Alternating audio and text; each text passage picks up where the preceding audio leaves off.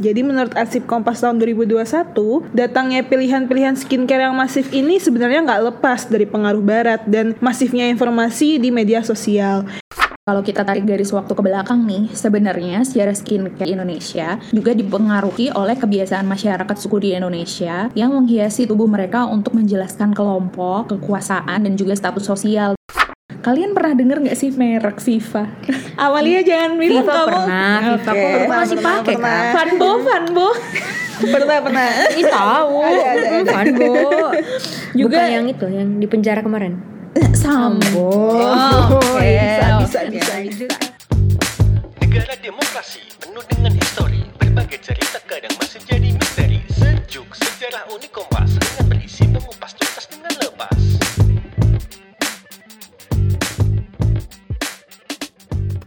Hai hai Sobat Sejuk, kembali lagi di podcast Sejuk. Sejarah Unik Kompas. Balik lagi nih bersama aku Kiki. Terus sekarang nih aku ditemenin dua ciwi-ciwi Sepantaran lah ya. Oh iya. Boleh lah ya. Hai. Eh, Sekarang nih aku kita bertiga hari ini Aku sama Amalia dan juga Catherine. Hai. Hai, hai, sobat sejuk. Nah hari ini kita bakal ngebahas hal yang rame banget di kalangan kita ciwi-ciwi, besti-besti Iya, iya. Iya itu apalagi kalau bukan skincare. Nah, bener banget. Hari ini kita bakal bahas soal gimana sih awal mula skincare itu masuk ke Indonesia dan apa aja pemicu perkembangan skincare di Indonesia. Ah, kasih kasih kasih. Nah ini tuh eh, sebenarnya sih skincare ini kebutuhan esensial kaum kita banget ya. Mm-mm. Betul Bahkan sekarang tuh juga udah lumayan banyak nih skincare buat pria. Jadi semacam gender equality sekarang jadinya. Iya. Gender equality di skincare ya Apalagi Iya, eh. sekarang kan udah pasca covid sampai PKM Jadi semua kegiatan kan kita udah normal kan ya kak Jadi Betul. kita sekarang butuh skincare buat proteksi wajah Biar investasi masa depan ya nggak? Asik, Iya, investasi. Asal nggak investasi bodong aja ya. nah mungkin eh, sobat sejuk ada yang relate ya kayaknya waktu zaman SMP tuh kalau kita bahas skincare kayaknya sih aku nggak skincarean ya cuma Kayaknya SMP juga kita nggak skincarean ya Kat? Paling Iya, mentok sih itu sih bedak marks aja sih. Bedak Marks tuh apa kak? Jujur. Jujur Jujur, asli jujur demi beneran, apa Beneran. Karambol. parah sih emang itu emang buat karambol sih. Putih banget ya berarti ya, Kak ya. Iya. Nah kalau tadi karambol Tapi sekarang kan udah beda zaman nih kak Bener. Sekarang udah muncul banyak kayak hyaluronic acid Aduh, Niacinamide iya. Retinol Sampai pernah dengar nggak Lendir siput tuh dijadiin skincare loh iya dengar dengar Jadi aku sering nanya-nanya Ini dari mana sih asalnya kita gunain skincare-skincare kayak gini di Indonesia? Nah, fenomena ini tuh ada dibahas dalam arsip Kompas. Jadi menurut arsip Kompas tahun 2021, datangnya pilihan-pilihan skincare yang masif ini sebenarnya nggak lepas dari pengaruh barat dan masifnya informasi di media sosial. Budaya Asia Timur juga marak dikonsumsi waktu akhir 90-an dan awal 2000-an.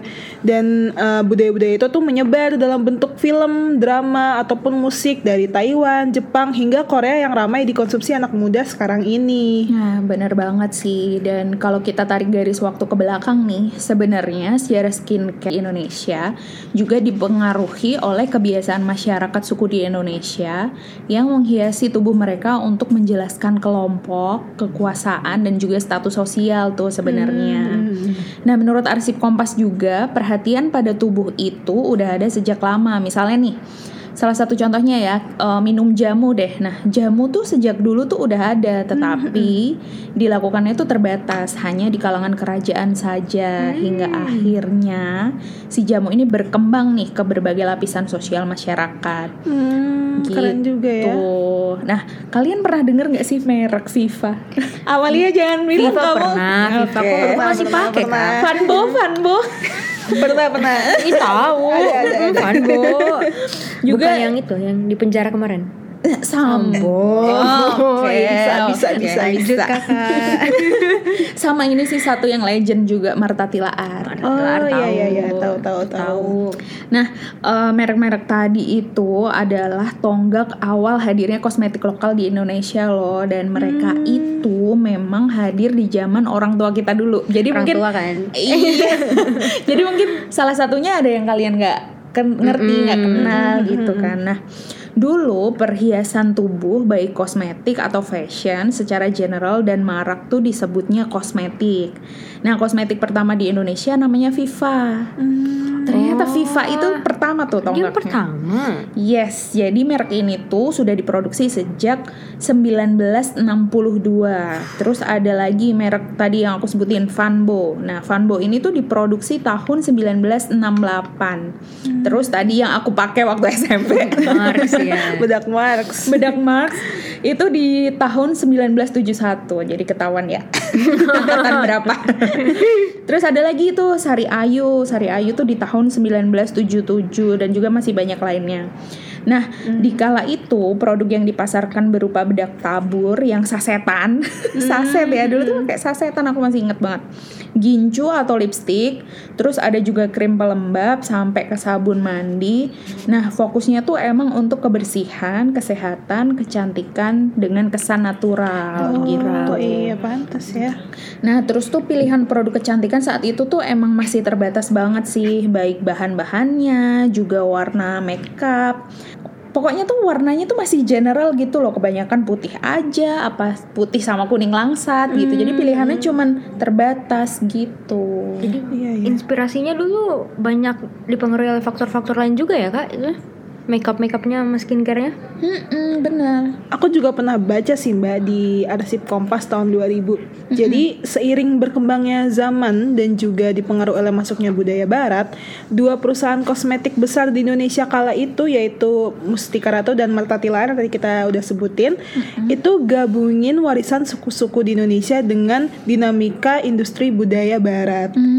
Jadi kedua merek ini tuh kan emang brandingnya mereka bilang kalau kosmetik mereka tuh terinspirasi oleh cara-cara perawatan tubuh para putri keraton.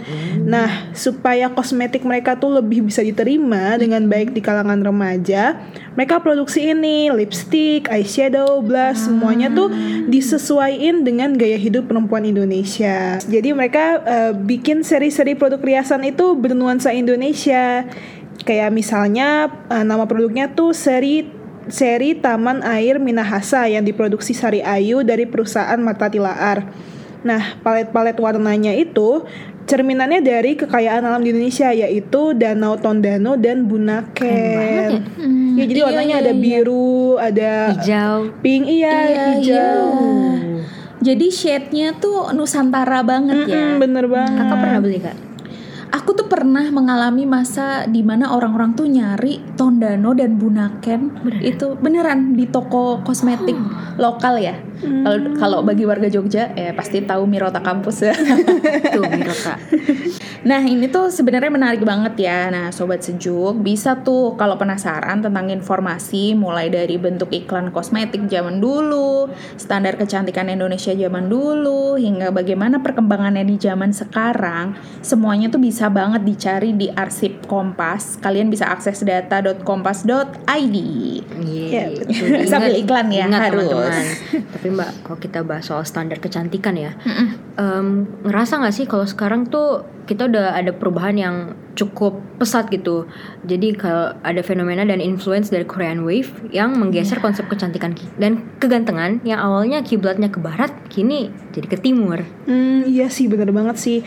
Kerasa banget bedanya waktu aku SMP sih Mbak. Jadi kan waktu itu tuh tahun 2015 14-15 itu kan masih dominan western ya.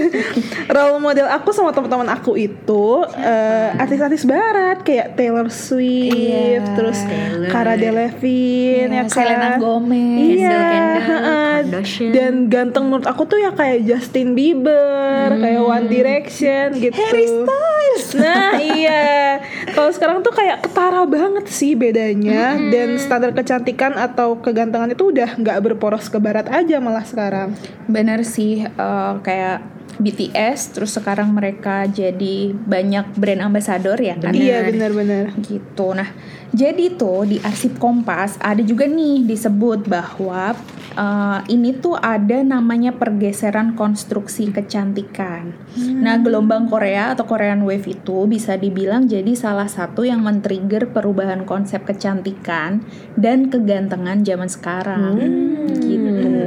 Gitu. Nah, bahkan tuh ada perubahan nilai gender dalam feminitas dan maskulinitas. Contohnya nih, kayak kalau kita perhatiin gagasan cantik ala Asia Timur membingkai seolah-olah perempuan cantik itu dalam tampilan yang natural, putih, lugu. Nah, di sisi lain, kita semakin terbiasa nih ngelihat laki-laki yang suka berdandan dan memperhatikan betul looksnya.